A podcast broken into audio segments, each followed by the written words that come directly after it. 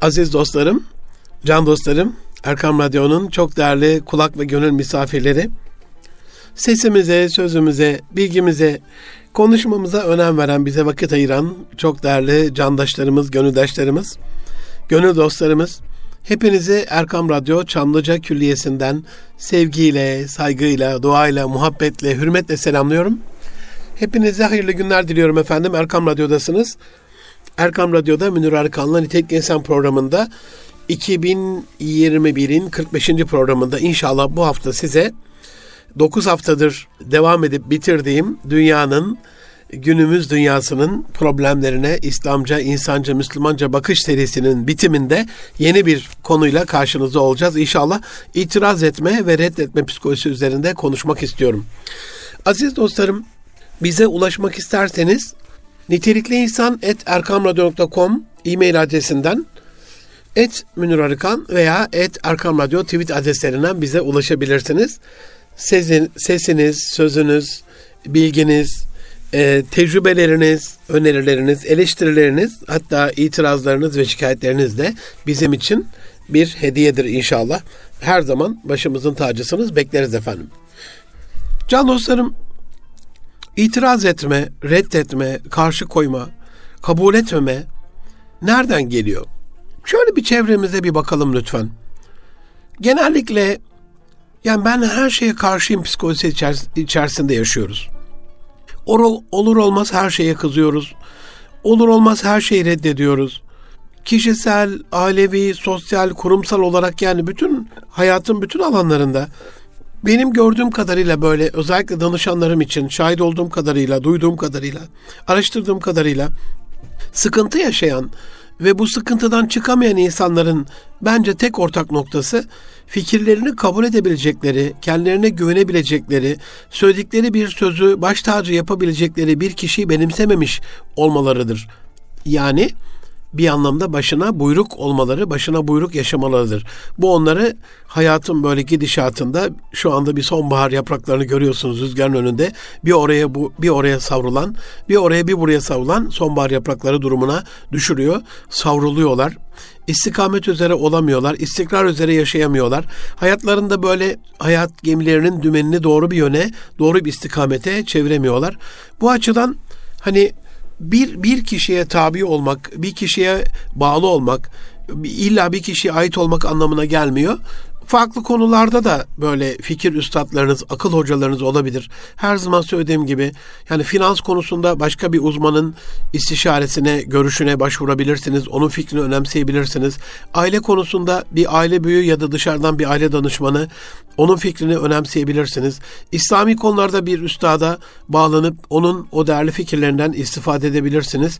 Kendi hayatınızda entelektüel açıdan mesleki olarak o mesleğin dünyadaki en iyilerinden ve Türkiye'deki en iyilerinden e, nem alınabilir, faydalanabilir, istifade edebilirsiniz. Yeter ki Hani bence bu böyle kardeşim. Bundan iyisi olmaz. Bundan iyisi Şam'da kayısı fikrine gelmeyelim. Yeter ki e, adım Hızır elimden gelen budur mantığına düşmeyelim.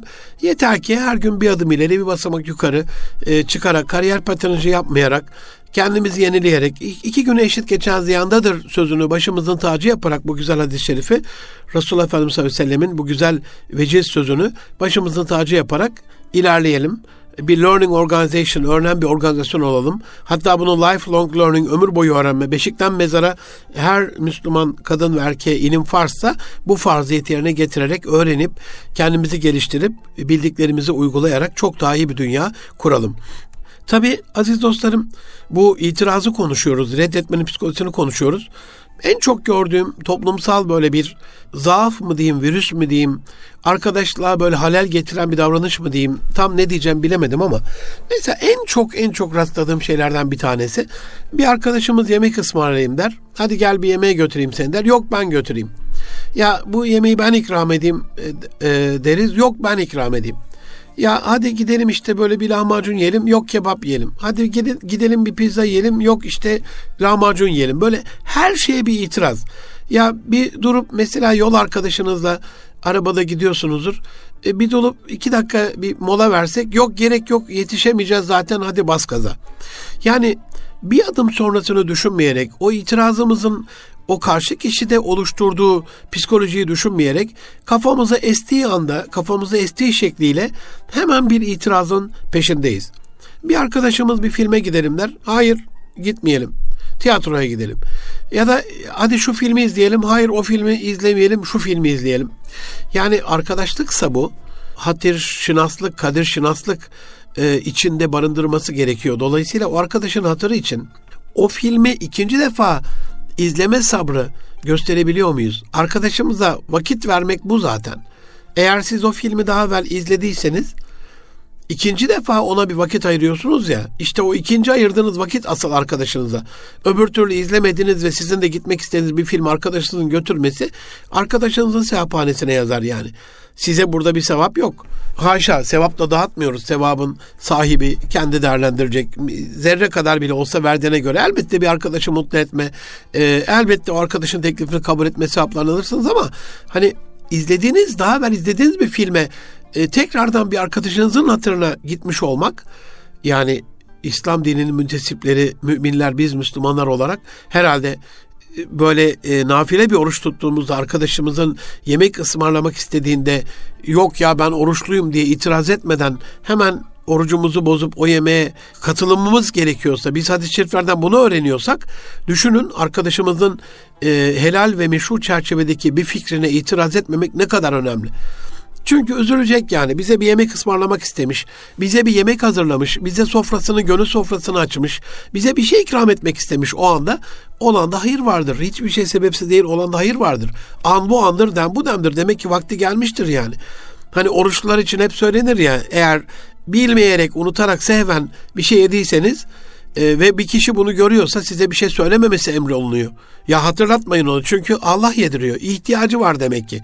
O oruçluya da Allah onu unutturarak zihninde yemesi gerektiği kadar o anda o vitamini alması gerekiyor demek ki. Ya ne yapıyorsun orucunu yiyorsun falan diye hatırlatmıyoruz. Düşünsenize can dostlarım bunun önemini lütfen dini vecibe diye biz hemen yapıştırırız cevabı. Hop ne yapıyorsun kardeşim oruç yiyorsun sen bilmem ne falan. O kişinin psikolojisini bir düşünün. Aslında olay burada sadece bu söylediğim, son söylediğim işte o kişinin psikolojisini bir düşünün. Bunu düşündüğünüz zaman itirazlarda, reddetmelerde, kabul etmemelerde, böyle aşırı saldırgan, onun karşısında yok edici tutumlarda e, sonlanacak diye düşünüyorum. Bir arkadaş mesela bizi bir sohbete götürmek ister. Hayır ben öyle şeylere karşıyım. Ben işte hayır ben hocaya gitmem. Hayır ben işte o gruba gitmem. Hayır ben o cemiyete cemaate katılmam. Hayır işte FETÖ'den dolayı zaten bu kadar ne geldiyse başımıza bunlardan geldi. Yine ayrı bir maceraya girmeyelim falan. Yani bir tane banka battığında ya bunlar battı bir daha bankaya para yatırmam diyeni görmedik. Bir kredi kartı vurgununda kredi kartının bilgileri çalınıyor. Hackerlar bunu alıyor. Aman ben kredi kartı kullanmayayım diyeni görmedik. Bir tane araba kaza yaptığında bundan sonra hayatta arabaya binmem. Bir uçak düştüğünde hayatım boyunca bir daha asla uçak seyahati yapmam diyeni görmedik. Orada bunu olasılıklar çerçevesinde ya milyonda bir ihtimal işte milyarda bir ihtimale kafasından hesaplayıp çevirebilen insan kendi arkadaşıyla, eşi, dostu, din kardeşiyle alakalı olaylarda ya Müslüman da böyle yapıyorsa benim onlarla haşa işim olmaz dercesine bir eyvallahsızlık içerisine giriyor ki bize çok zarar veren bir durumdur bu can dostlarım. Aziz dostlarım bu sadece tabii arkadaşlarımızla ilgili değil.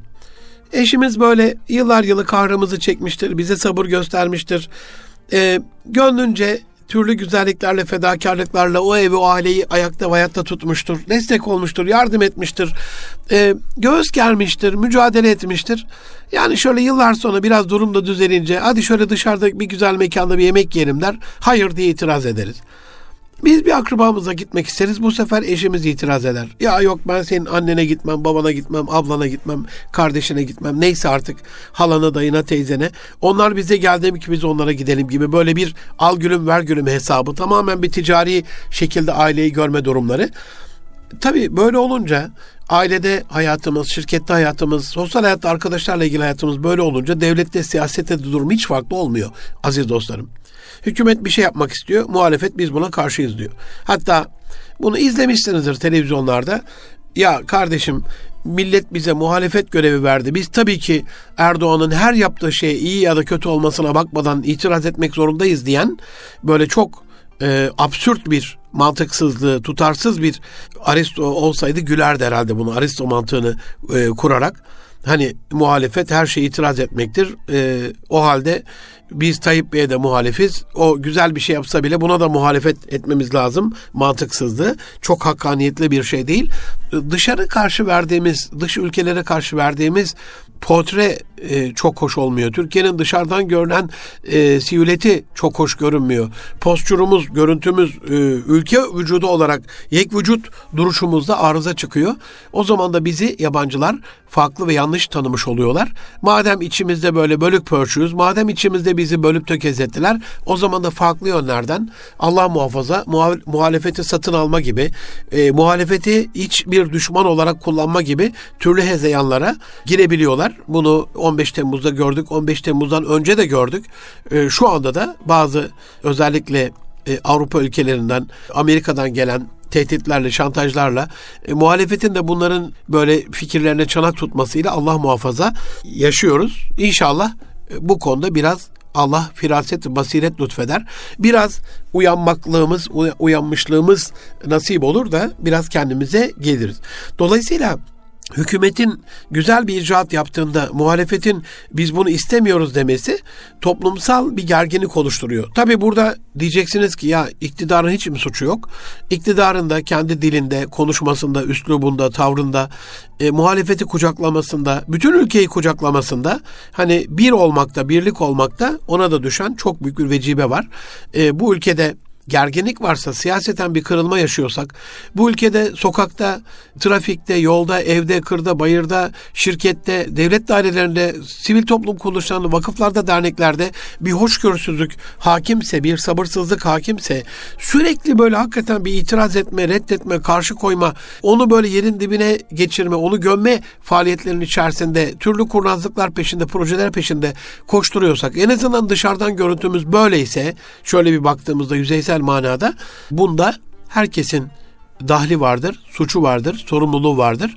E, bu dilin güzelleşmesinde, bu dilin en azından çocuklarımıza örnek olmasında, televizyonu şöyle bir açtığımızda muhalefetin de iktidarın da söylemleriyle onu izleyen ailelere, o ailelerde en ufak bir küfürlü konuşmayı bile çocuklarına men eden çok güzel, çok böyle nezih aileler var. İstanbul beyefendisi, İstanbul hanımefendisi, anne babaların, ebeveynlerin olduğu aileler var. En azından onların zihinsel kirliliğe ulaşmamaları sağlanmış olur. Onların evleri kirletilmemiş olur diye düşünüyorum. Aziz dostlarım, Tabi bu kadar da değil. Farklı alanlarda da devam ediyor bu itirazlar, reddetmeler, karşı koymalar, e, muhalif olmalar. Bir mucit mesela bir inovatif yenilik yapar. Ya eski köye yeni adet getirme. Bir mucit böyle çok güzel hayatı kolaylaştıran bir icat çıkarır. Ya başımıza icat çıkartma. Yeniliğe karşı böyle yeni olana karşı eskiyi koruma elbette köklerimize sahip çıkma adına muhafazakar bir e, toplumuz. Muhafaza etmek zorunda olduğumuz kadim derlerimiz var. Mesela eskiler e, eskimeyen eskiler eski yazı Osmanlıca ile alakalı hani yeni harf inkılabı yapıldı. Dilimiz bir gecede unutturuldu bize. Hafızamız bir gecede silindi.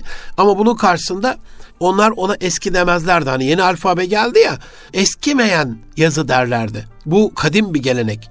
Yani anneannem rahmetli rahmet olsun. Bütün geçmişlerimize inşallah bir Fatiha okumayı ihmal etmeyin. Eskisi olmayanın yenisi olmaz evladım derdi. Hakikaten bir muhafaza edin eskileri. Tabi bunu evinizi çöplüğe dönüştürerek e, yapın anlamına söylemiyorum. Değerlendirerek muhafaza edin. Olması kara, e, kadarını, yettiği kadarını, gerekli olduğu kadarını muhafaza ederek e, her küçücük bir çorabınızda delik açıldığında onu çöpe atacağınız yerde onu yamamasını, dikmesini, onu güzel bir şekilde yeniden e, kullanmanın yollarına baktığınızda inanın Hani o küçücük bir çorapta bile onu saç tokası yapanlar gördüm. Ee, onu çok güzel temizleyip bulaşık süngeri yapanlar gördüm. Onu yerdeki paspasa takıp yer sileceği yapanlar gördüm. Onun içerisine belli talaştan e, topraktan, samandan şeyler koyup onunla mantar yetiştirenleri gördüm. Çiçek yetiştirenleri gördüm. Çim adam yapanları gördüm. E, içerisine böyle belli ağırlıklar, taşlar koyarak onu belli şekillere getirip çok güzel dekoratif farklı farklı renklerde böyle dekorasyon malzemeleri yapanları gördüm. Çok farklı kullanım alanlarında gördüm. E, yüzlerce farklı kullanım alanında çıkar. Yeter ki biz bu konuda bir şey yapmak isteyelim. Yani konumuz tabii itiraz. E, yeniden kullanımla alakalı gönlüm biraz yaralı. Dün akşamki paylaştığım tweet'i yeri gelmişken e, söyleyeyim. Aziz dostlarım Et Müdür Arkan'da bakarsanız çok sevinirim. Nereye gidersem gideyim Türkiye'nin bütün bölgelerinde dolaşmış, bütün illerine hemen hemen 150-200 ilçenin dışında bütün ilçelerinde program yapmış, bütün üniversitelerinde ders vermiş, ders anlatmış bir kardeşiniz olarak söylüyorum. Hemen hemen her kampüste, her okulda, her kurumda, her bahçede, her evde atıl olarak duran, kullanılmayan epey miktarda bir atık var, hurda var.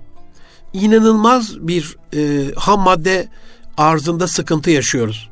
Çin'in enerji krizi dolayısıyla üretim azalınca işte magnezyumu e, azaltmaya başladılar ki 1 milyon 90 bin ton yıllık şeyleri. Ondan sonra gelen e, Amerika ve Rusya'nın toplamı 60-70 bin ton. Yani 1 milyon ton düşünün. Küsuratı kadar bile etmiyor Amerika Rusya'nın toplamı. Dolayısıyla bu alüminyum üreticilerini, alüminyum e, araba üreticilerini, on, araba üreticileri, pil üreticilerini böyle bir zincirleme reaksiyonu aynı besin zinciri gibi. Dolayısıyla dünya bir kısır döngüye giriyor. Ticaret hayatı bundan inanılmaz zarar görüyor. Böyle bir durumda yani her idarecimiz, keşke bakanlarımız kendi bakanlıklarıyla alakalı, belediye başkanlarımız kendi bulundukları bölgeyle alakalı, her mahalle kendi muhtarlığıyla, her apartman, her site kendi ilgi alanıyla alakalı ya sağda solda atıl duran bu hurdaları evlerden de toplayarak inanılmaz kablolar, inanılmaz e, elektronik atıklar, inanılmaz böyle bozuk oyuncaklar, şunlar bunlar evlerde e, yığın yığın duruyor. Dolayısıyla bunları böyle hızlı bir şekilde değerlendirip dönüştürüp hurda fiyatlarının inanılmaz e, arttığını biliyorum. E, dün de böyle bir baktım tweet atmadan evvel. Yani bakır kablolarda ne kadar, demirde ne kadar, plastikte ne kadar, kağıtta ne kadar. Geçen seneye göre 2-3 kat artan hurda fiyatları var. 5 kat, 10 kat artan hurda fiyatları var. Yani bu bizim kaynakları etkin kullanmamızla alakalı bir şey. Şimdi bunu da şuna bir örnek olarak söyledim. Hadi bakalım bir göreyim sizi. Buna da mı itiraz edeceksiniz? Ya hocam ne gerek var şimdi ne güzel. Evin bir köşesinde duruyor onu. Kutuya koyduk, koliledik. Depoda duruyor, depoda çürüyor, bahçede çürüyor. Şimdi e, eski köy yeni adet çıkarma, böyle gelmiş böyle gider. Şimdi bizi onunla uğraştırma mantığında mı olacağız? Yoksa bu çağrıyı duyan bir eşimiz, dostumuz, arkadaşımız, gönüldaşımız ya en azından ben elimden geleni yapayım. El, evimde bilgisayar atıkları vardı, kullanılmış malzemeler vardı, kablo atıkları vardı. Bunları internetten araştırıp gitmesi gereken yerlere bir şekilde belediyeler aracılığıyla, STK'lar aracılığıyla ulaştırdım diyecek mi? Bu konuda bir çabanız e, varsa, olursa onu da bizimle paylaşırsanız gelecek hafta inşallah biz de radyomuzda paylaşır güzel örnekleri toplumun diğer kesimlerine örnek olması hasebiyle anlatırız canlı başlı aziz dostlarım. Dolayısıyla hani bu itiraz bir kurumun böyle az evvel söylediğim gibi örnek olarak anlattığım gibi hayırlı bir projede yeni bir proje başlattığında onu benimsememek için bin dereden su getirmesini ve başlamasını engelleme çabamızı da bir itiraz e, etme psikolojisi olarak değerlendirebiliriz. Yani bir okul düşünün. Öğle yemeklerinde e, bir varil, iki varil dolusu yemek atıklarının oraya atıldığını düşünün. Bir orada yeni bir müdürümüz, gelen müdürümüz, bir müdür yardımcımız, bir duyarlı öğretmen arkadaşımız, bir okul aile birliğinden okul annemiz, bir öğrencimiz. Ya arkadaşlar sıraya giriyoruz, yemekleri alıyoruz. Bugün yarım yemek alacağız, yarım porsiyon. Sonra yiyeceğiz. Eğer hala doymadıysak hakkımız orada duruyor. İkinci defa onu alma hakkımız var dediği anda bütün okul ayağa mı kalkıyor? Yok kardeşim niye iki defa sıraya gireceğiz? Yok vaktimiz gidecek, yok bilmem ne. Halbuki vakit falan gitmeyecek. İnanın hani bunu ben bazı vakıflarda görüyorum. Hemen masalara e, belli e, kaplarla getiriyorlar. 8-10 kişi o kaplardan kendisini alabiliyor. En azından oradan kendi tabağımızda hemen oturduğumuz yerden alabilecek düzeyde bir uygulama yapabiliriz. Bazı kamu kurumlarında görüyorum bu şekilde yapılabiliyor. Yani yeter ki bu israfı, gıda ve su geçen hafta Cumhurbaşkanımız Erdoğan'ın da söylediği gibi yeni savaşların kurgu projesi gibi görünüyor. Su savaşları kapıda, enerji savaşlarından sonra gıda savaşları kapıda. Bunlar e, vatansever sektörler olarak, Patriot sektör olarak çok önem arz edecek. Dolayısıyla daha savaş kapımıza gelmeden, e, yumurta kapıya dayanmadan bunun kadrini kıymetini bilerek bunu önlesek, engellesek bir hayırlı proje yapmış olacağız ama yok öyle olmaz böyle olur diye buna da itiraz ettiğimizde yandı gülüm keten elva mahvoluyoruz. Yeni bir program çıkıyor mesela. Eskisini bırakmamak için, o eski alışkanlıklarımızın peşinde devam etmemiz için halbuki bir yenilik olacaksa ilk kırmanız gereken e, eski alışkanlıklarınızı kırmak, eski sizi bırakmak oluyor. Ama biz eskisini bırakmamak için bu yeninin bin bir kusurunu buluruz. Daha iyisi olduğunu bile bile bu yeniliğe ayak uydurmayız. Onu reddederiz. Ayak diretiriz, inat ederiz. Sonra bir sürü kalp kırgınlığı, bir sürü vakit geçmesi, bir sürü zaman israfı. Sonrasında da onu kullanmamız mecburi bir hale gelir, kaçılmaz bir hale gelir. Aradaki açığı kapatmak için de tekrar gaza bassak da bu e, eski vakitlerde, itiraz ettiğimiz vakitlerde başlamış olsaydık ki verimli yere bir türlü de geçemeyiz. Aynı şekilde devlet bir yeni proje, bir yeni uygulama başlatır. Biz hemen karşısına çıkarız. Yani muhalefetin bu ülkede 30-40 yıldır, 50 yıldır yaptıklarına bir bakın aziz dostlarım. Hani amacım siyaseten muhalefeti kötülemek falan değil ama birinci köprüye karşı çıkmışlar. Adnan Menderes merhum zamanında Vatan Caddesi'ne karşı çıkmışlar. Şimdi 4-5 şerit de yetmiyor yollarda. İşte Kuzey Marmara Otoyolu'na karşı çıktılar. Şimdilik 4 şerit. O 4 şerit de yetmeyecek. İşte ikinci köprüye, üçüncü köprüye, ikinci havalimanına, üçüncü havalimanına ben hatırlıyorum yani bizim e, daha yeni dönem yani Sabiha Gökçen'de ya Anadolu yakasında kim uçacak oradan? Buraya bu kadar böyle bir milyar dolarlık yatırım yapmak kimin aklı? Atıl bir şekilde buraya malzemeler gömülüyor diye. İsim vermeyeyim ama muhalefet muhalefet işte. Biliyorsunuz konuşmalar webde hala duruyor. Sosyal medyada hala duruyor. Bakabilirsiniz. Ondan sonra da Sabiha Gökçen bu yıl Avrupa'nın en iyi havalimanı seçildiğinde yolcu rekoru rekor üstüne rekor kırdığında mahcup oluyorlar ama iş işten geçmiş oluyor. Bir itirazı kendi saygınlığımızı za gölge düşürmemek adına yaparken böyle iyi düşünüp hani 39 boğum 39 boğumda düşün düşün düşün en son yutkun sonra 40.da bir şey söyle diyorlar ya aynen o hale getirmemiz lazım. Bu sadece devletle alakalı değil aziz dostlarım. Yani bir hayır sahibi güzel bir projeye ön ayak olmak ister. Hemen reddederiz. Benim küçüklüğümdü böyle. Çocukluğum Amanos'un zirvesinde Zorkun yaylasında yaz tatillerimiz geçerdi.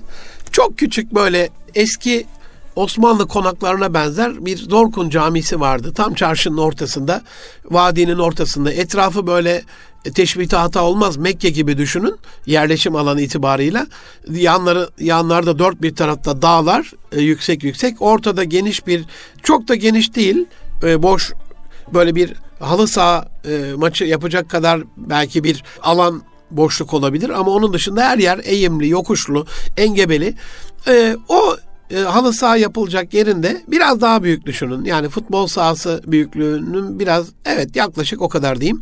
Ondan sonra onun içerisinde küçük böyle bir eski Osmanlı konağını düşünün. Böyle bir yapı. E, babam Allah razı olsun Mehmet Şükrü Arka, Molla Şükrü diye bilinir o civarlarda.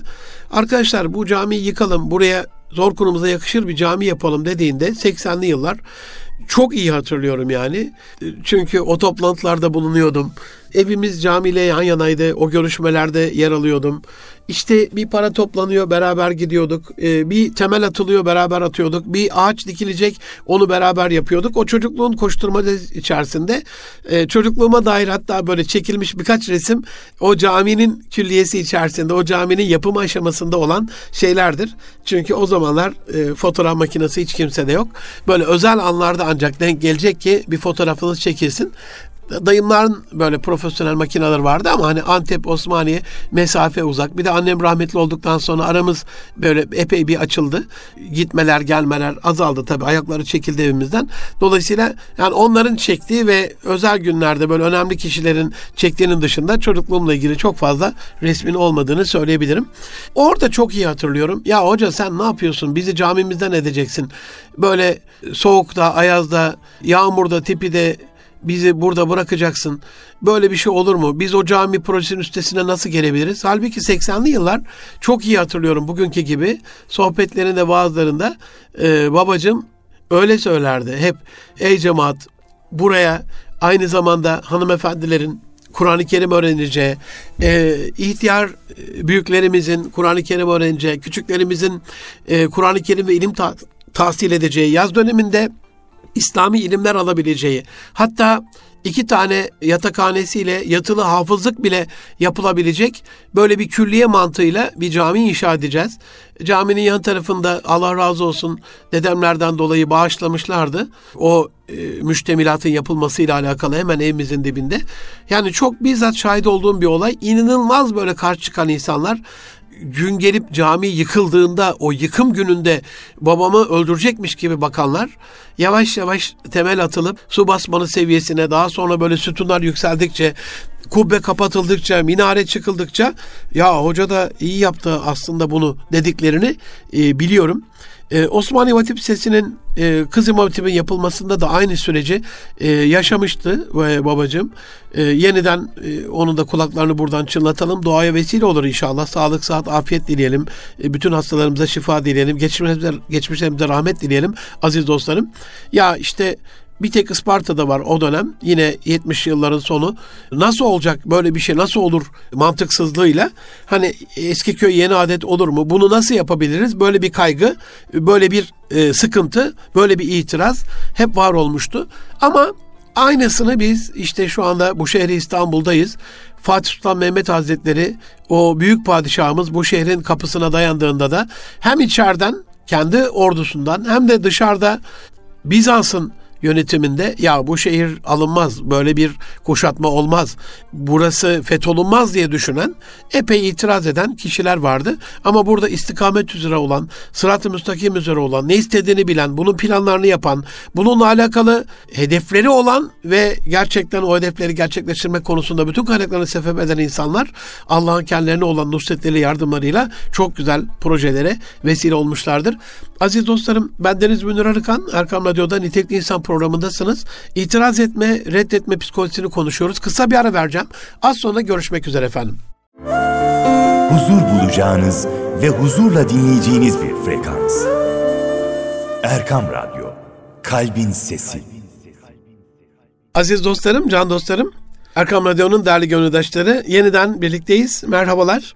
Ben Deniz Münir Arıkan. Nitelikli İnsan programında itiraz etme, reddetme, kabul etmeme psikolojisinin ardındaki sebepleri, bunun sonuçlarını, bunun aile hayatımızı, sosyal hayatımızı, iş dünyasını, devlet hayatını nasıl, toplumsal hayatı nasıl şekillendirdiğini, buna nasıl etki ettiğini konuşuyorduk. Kaldığımız yerden devam edelim. Mesela bu sadece e, itirazlar, bir hayır hasenat yaparken ya olmaz, yapılmaz, başaramayız korkusu kaygısıyla olmuyor o hayır hasenatı haset eden insanlar ya niye o yapıyor da biz yapmıyoruz? Hani e, Resulullah Efendimiz sallallahu aleyhi ve sellem Efendimiz'e risalet gelince, nübüvvet gelince, peygamberlik gelince ya niye bir yetim kişiye geliyor, bize gelmiyor. Değil mi? Yahudiler niye bir araba geliyor, bir Yahudiye gelmiyor? Hristiyanlar niye bir Kureyşli'ye geliyor, bir e, Hristiyana gelmiyor? Bir sürü bir sürü. İşte bu kin vasede de itirazın e, dönüyor olması, e, dönmüş olması Allah korusun çok büyük bir sıkıntı oluyor. Çocuklarımız mesela sadece hani çocuğunu kıskanır mı bir insan? Biz de anne babayız aziz dostlarım. Mümkün mü böyle bir şey? Her zaman da bu kıskançlık, haset, kin, nefret anlamına değil. Ya çocuklarımız mesela büyük bir hedef koyuyor. Bir güzel başarı sahibi olmak istiyor. Biz yine senden bir alt olmaz. Sen kendine zannediyorsun. İşte seni doğurcama taş doğursaydım gibi onu aşağılayan tarzda ona köstek oluruz. Dolayısıyla bunun ardında her zaman psikolojik olarak bir kin, nefret, haset, çekememezlik yok. Bir klişe haline gelmiş. Yani her fikre hemen direkt red her fikre direkt itiraz, e, her fikir duyduğumuzda direkt hemen kabul etmeme, reddetme butonuna basmak bir alışkanlık haline gelmiş. İnsan da alışkanlıklarının eseri biliyorsunuz. En çok bunu ben gittiğim kurumlarda görüyorum böyle. O kurumu ayağa kaldıracak, enerjisi çok yüksek bir çalışan, elinden gelen en iyi performansı gösterip canla başla çalıştığında oradaki ağır abilerden ablalardan birinin elinden tutup yanına çekip ya madalya mı takıyorlar sen fazla da ileriye gidiyorsun bak kötü örnek oluyorsun falan gibi ona bir ayak prangası olduğunu biliyorum. Buna şahit olmuşumdur birçok kere. Halbuki onlar da ona ayak uydursalar, onlar da o kurumu daha ileriye götürmekle alakalı, hani dedik ya bir adım ileri, bir basamak yukarı, kariyer patinajından kurtarsalar, daha iyi bir konuma ve duruma getirmeye çalışsalar çok daha güzel bir şey olacak. Peki burada hani bir sürü itiraz şekilleri, sebepleri, sonuçları konuştuk ama neden sizce tüm bu itiraz, kabul etmeme ve reddetme psikolojisi içerisinde oluyoruz? Birazcık inşallah ona bakalım aziz dostlarım. En başında bu itiraz etme e, ve reddetme psikolojisinin başında kendimize güvensiz bir ortam oluşturmamız e, yatıyor. O güvensiz ortamda kendimize olan güvenimiz de yok oluyor. Yani güvensiz bir ortam ailemiz olabilir. Orayı nasıl daha güvenli bir hale getirebiliriz? Eşimizin bilgisine güvenmiyorsak kafamızda yıllar yılı ben bunu nasıl boşarım, bundan nasıl ayrılırım, e, ben bundan e, nasıl e, kurtulurum hesabı yapacağımıza ben eşimi nasıl geliştiririm planlaması yapsak bu bizim için çok daha hayırlı olur. E, evlatlarımızın bir kişisel problemi karşısında ya e, ayağına bir taş değecek, kafayı bir yere vuracak, bu görecek bak dünyanın kaç bucak olduğunu, Anya'yı, Konya'yı diye Allah korusun bir beklenti içine gireceğimize evladım bak gidişatın gidişat değil bununla alakalı şu şu şu davranışını değiştirmen senin daha fazla lehine olur gibi bir yaklaşımla onu değiştirmeye çalışmamız çok daha güzel olur. Dolayısıyla evimizde yakın çevremizi geliştirme sorumluluğundan kendimizi azat ettiğimiz için evimiz güvensiz bir ortam haline gelmiş. Kendimizi de geliştirmediğimiz için kendimize bile güvenimiz yok. O ortamda da ilk akla gelen şey direkt itiraz oluyor. Yani hiç güvenmediğiniz, hiç bilmediğiniz yabancı bir ülkede sizi birisi yemeğe çağırsa hemen reddedersiniz. Neden? İşte buradaki güven kaygısından dolayı. Ama bir Anadolu köyüne gittiğiniz zaman her kapıdan gelen davete hepsine uymak istersiniz. Bir yaşlı teyzemiz bir ayık ayranı verir içmek istersiniz. Bir oturmuş orada bazlama yapan birisi onu vermek ister, onu yemek istersiniz. Bir köy evinde bir sohbete çağrılır. Hemen o sobanın başına gitmek istersiniz. Neden? Çünkü güven var orada. itiraz etmezsiniz. Dolayısıyla güvensizlik sendromu içinde kaldığımızı ve bunda da kendimizin de bir suçu olduğunu burada unutmamamız lazım. İlişkilerimiz bir de derinlemesine değil aziz dostlarım. Çok yüzeysel yaşıyoruz. Öyle olunca da olayın iç yüzünü inceleyecek, durumun inceliklerine vakıf olabilecek bir durumda değiliz. E, Rabbimiz bunu çok eleştirir Kur'an-ı Kerim'de. Ya'lemune zahire minel hayate dünya ve hum anel gafletum. Yani onlar dünya hayatını zahiren kabuğunu bilirler. Çekirdeğini, dibi, derinlemesine, deruni hikmetini bilmezler. Ve bu bizim için bir sıkıntıdır yani hep yüzeysel bilgimiz. Hiç iç yüzünü araştıracak, inceleyecek, ona vakit ayıracak durumda değiliz. Bir laf duyuyoruz, gazeteleri başlıklardan, sosyal medyayı manşetlerden, ondan sonra hatta sosyal medyayı TT'lerden, trending topikte bir bakıyoruz, aa böyle olmuş, iki kelimeye takılı kalıp ondan sonra bütün fikrimizi ona göre şekillendiriyoruz. Biraz batini bilgiye, zahiri bilgi yerine deruni bilgiye, hikmete rağm olmamız gerekiyor. Bir de tabii birbirimizin duygusal banka hesabında yeterli birikim, yeterli yatırım yapmadığımız için birbirimizde hatırımız kalmamış. Halbuki e, Rabbimizin bu adetullahında, sünnetullahında bir kuraldır. Yani boş vaktinde Allah'ı ananı, dar vaktinde Allah anar. Bu ne demek? Allah kulunu nasıl anar? Allah'ım ne olur yetiş imdadıma dediğinde kulum ben buradayım, senin Rabbinim, gözümüzün önündesin, seni unutmadık der. Ama bunun için bol vaktinde, boş vaktinde Rabbin çokça ve sıklıkla, güzellikle anılmış olması lazım. Aynısı arkadaş için de geçerli. Boş vaktinde, arkadaşın dar olan vaktinde ona yetişmeyi kendine yediremeyen, ona vakit ayırmayan, oraya gitmeyen, kendi bir dar vakte düştüğünde de o anda boş vaktinde olan bir arkadaşın kendisine gelmemesini hak ediyordur. Onun için duygusal banka hesabı bu anlamda çok önemli. Aziz dostlarım, Mehmet Zahid Kotku Hazretleri'nin ey arkadaş, bir iki arkadaşlık pek ey onun tabiriyle demekle kaimdir sözü hatırına e, ben Deniz uzun yıllar teklife karşı teklifle gelinmez kuralını koydum. Ben bütün yakın çevrem bunu bilir. Teklife karşı teklife gelinmez. Yani bir teklif yapıldıysa hadi buyurun biz de yemek yiyelim. Yok biz de yiyelim. Ya o seni çağırmış işte. Onlar da yememiz gerekiyor. Hadi gel bir yemeğe gidelim. Yok gitmeyelim. Hadi gel şöyle bir şey yapalım. Hayır yapmayalım. Ben genellikle peki diyen, evet diyen, e, huyuna suyuna giden bir kişiyim. Bir de ne olur ki sanki yani. Bu sefer de arkadaşımızın, eşimizin, çocuğumuzun, amirimizin, memurumuzun dediği olsa, bu kere de karşımızdaki kişinin dediği olsa, tabii ki kanuni ve ahlaki sınırlar içerisinde kalmak kaydıyla ne zarar gelir? Ne olur ki yani onların da teklifine bu seferlik uysak başımıza çok büyük bir zarar gelmez. Kaldı ki bazen tecrübedir, yeniliktir. Şu anda ben çok kısa bir saç e, uzun yıllardan beri öyle devam ediyorum ama büyük kolaylık seyahatlerde, sağlıkla alakalı, e, saçın vitaminlenmesiyle alakalı. E, ama e, saçım uzun olduğu dönemlerde de e, berber değiştirdiğimde ya da farklı berbere gittiğimde çoğu zaman ona uymuşumdur. Yani siz bu işin üstadısınız. Nasıl yakışıyor bu e, yüz şekline, bu yüz hattına, bu vücut şekline, bu kafa yapısına göre size bırakıyorum diye tefekkür eder. Derin bir tefekküre dalıp gözümü de kapatırım. Gözümü açtığımda da çok ac- absürt böyle punk bilmem ne Amerikan tıraşı bugüne kadar hiç olmadı. Onlar da halden anlıyorlar. Uygun bir hale getiriyorlar. Dolayısıyla hani tabi olmak uygun şartlarda bir hoş güzellik getiriyor. Tabi burada din öğretimi genel müdürümüz Nazif Yılmaz hocamı minnetle yad etmeden olmaz kulaklarını çınlatmadan olmaz. Onunla 15 günlük bir Bulgaristan gezimiz var. 2004-2005 döneminde. Tabii Münir hocam, Münir hocam çok seviyorlar beni. Edirne Kapıkule'ye kadar işte şurada oturalım, burada namaz kılalım, burada yemek yiyelim. Arabanın sanki haşa haşa emir komutası bende gibiydi. Bana soruyorlardı. Kapıkule'ye geçtik. Arabada Gökhan hocamız da var. 15-20 yıl Bulgaristan'da kalmış. Oradaki gönül erenlerinden bir tanesi. Natif hocam da e, oraları çok iyi bilen, oralarda bulunmuş bir insan. E, Kapıkule'yi çıktık. Ben sustum. İnanın aziz dostlarım sizi temin ederim hayatımın en kolay, en güzel, e, en rahat 15 günüydü. Hiç konuşmadım. Sadece seminerlerde konuştum. Yolda muhabbet için konuştuk ayrı ama karar verme adına, fikir beyan etme adına asla konuşmadım. Ya hocam yemek yiyelim mi diyorlar siz bilirsiniz diyorum. Nerede uygunsa siz daha iyi biliyorsunuz. Namaz kılalım mı ya en yakın camiyi köyü siz biliyorsunuz. Hiçbir şeye karışmadım. Ee, araç komutanımız Nazif Yılmaz hocam oldu ve ben hayatımın en, en kolay 15 gününü yaşadım. Hiçbir şey olmuyor. Yeter ki bir kere de uyun. Yeter ki de yeter ki bir kere de kabul edin. Tabii evrende bir de aziz dostlarım etki tepki kuralı var yani. Anne baba çocuklarının her dediğini yıllarca reddedip kendi istediklerini o küçük krallıklarında buyruk haline getirirlerse ergenlik döneminde bunun bir faturası olacak.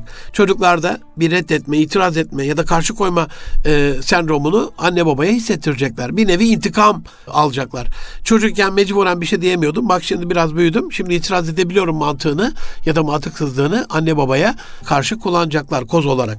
Ya da arkadaşlar arası hep birinin dediği oluyorsa buna kümülatif bir toplu, toplu bir tepki olarak bundan sonra ne yaparsa yapsın, ne kadar hayırlı iş yaparsa yapsın ona itiraz. Hani çok meşhurdur, e, kelamı kibarda anlatılır.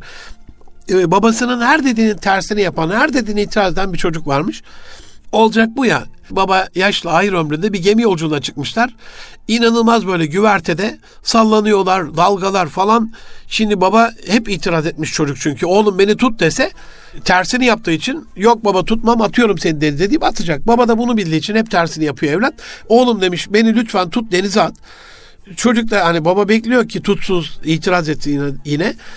Çocuk da demiş baba yıllardır her dediğine itiraz ettim. Bari bir kere şu ayrı ömründe bir dediğini yapayım diye kaldırıp atmış babasını denizden.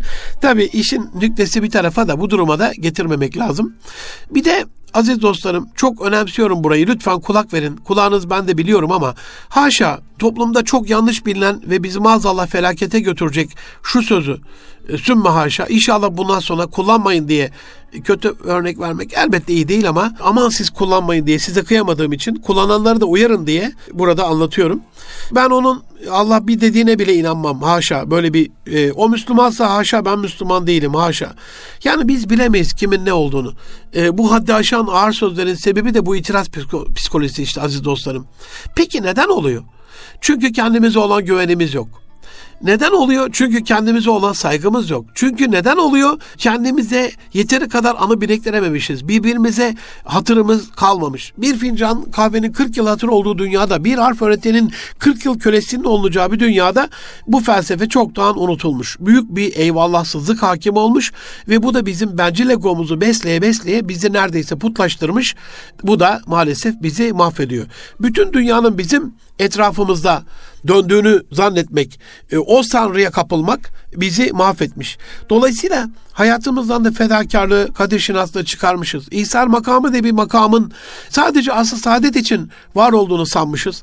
İş kırgınlıktan zamanla böyle reddede reddede itiraz ede ede öfke nöbetlerine hatta sargın saldırganlığa bile varmış. Hemen parlayacak, hemen yanacak kırıklıkta ve eşikte yaşar bir hale gelmişiz. Bu bizim psikolojimizi bozmuş. Bozuk psikolojiyle de geriye gelen her türlü probleme e, ikinci bir problem olarak cevap vermişiz. Ya bu konuda şöyle bir şey yapsak nasıl olur? Yok olmaz. Daha gerekçesini dinlemeden anında itiraz e, eder bir hale gelmişiz. Aziz dostlarım, e, bu itiraz hastalığının ve reddetme huyunun çok zararları var ama çok unutulan ve göz ardı edilen bir tanesini hemen söyleyeyim. Mesela süre itirazlarla ve itirazları olan gerekçeli açıklamalarla geçtiğinden 20 e, yıl önceye göre Türkiye'de şirket toplantıları iki kat, üç kat daha fazla uzuyormuş. Zaman israfı yani. Hiç aklınıza gelir miydi? Yani bir şey itiraz ettiğinizde hemen kabul etsek, peki desek hemen, olur desek, suyuna huyuna gitsek hemen kolayca o işi yapabileceğiz yani.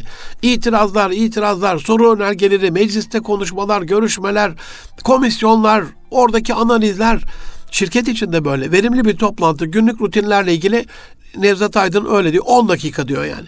Herhalde ölçekte bir şirket yönetmekle yönetmek de çok basit bir şey olmasa gerek yani. Çok büyük CEO'lardan da bunu duyuyorum. Hatta kurumsal şirketlerde şu anda öyle yemekli, ikramlı, ondan sonra kurabiyeli, pastalı, börekli, çörekli, kutlamalı toplantı yerine ayakta yapıyorlar toplantıyı. Dökümanlarla geliyorsunuz, bilgilerle geliyorsunuz.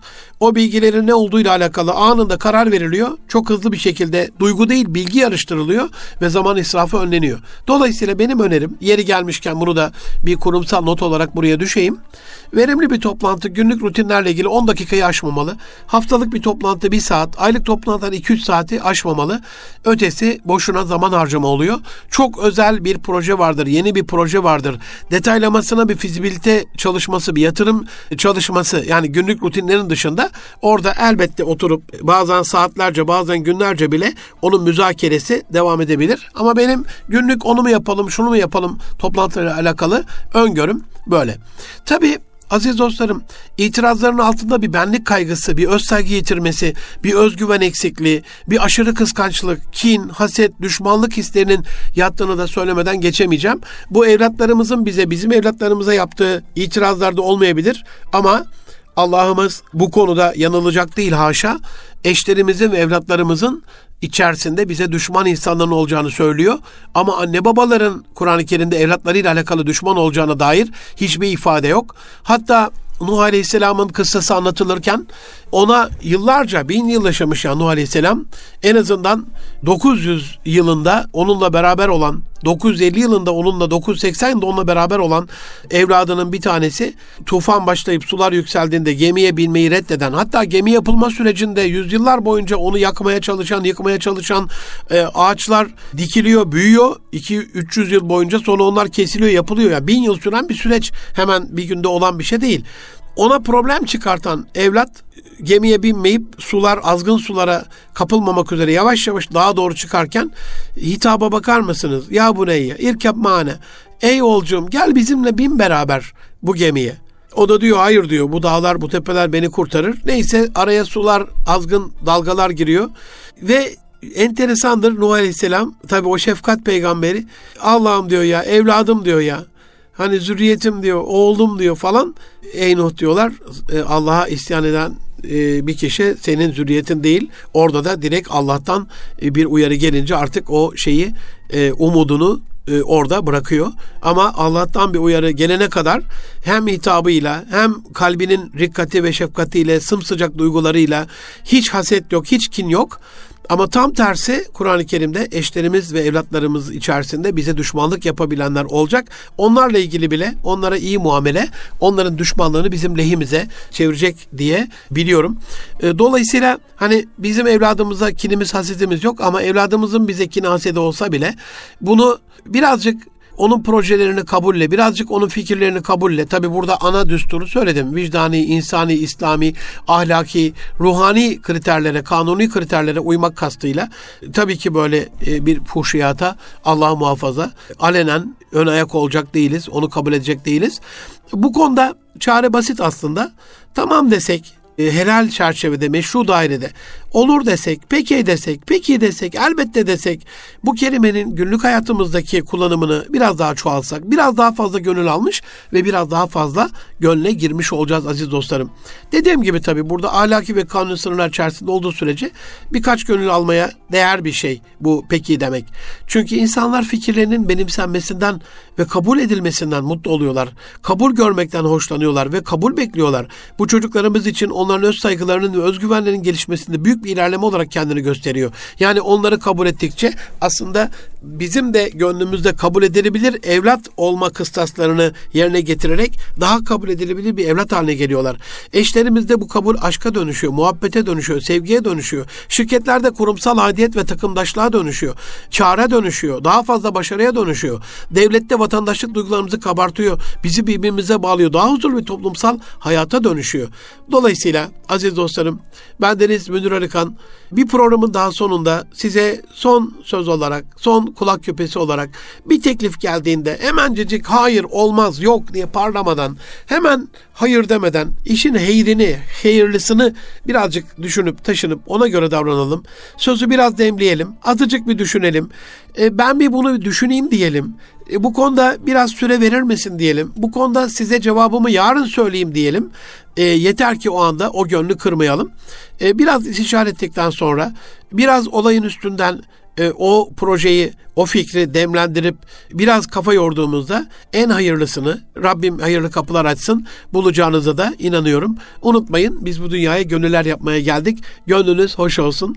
Hepinize hayırlı günler diliyorum. Hepinizi Rabbi Celle'ime emanet ediyorum. Hoşça kalın. Allah'a emanet olun can dostlarım.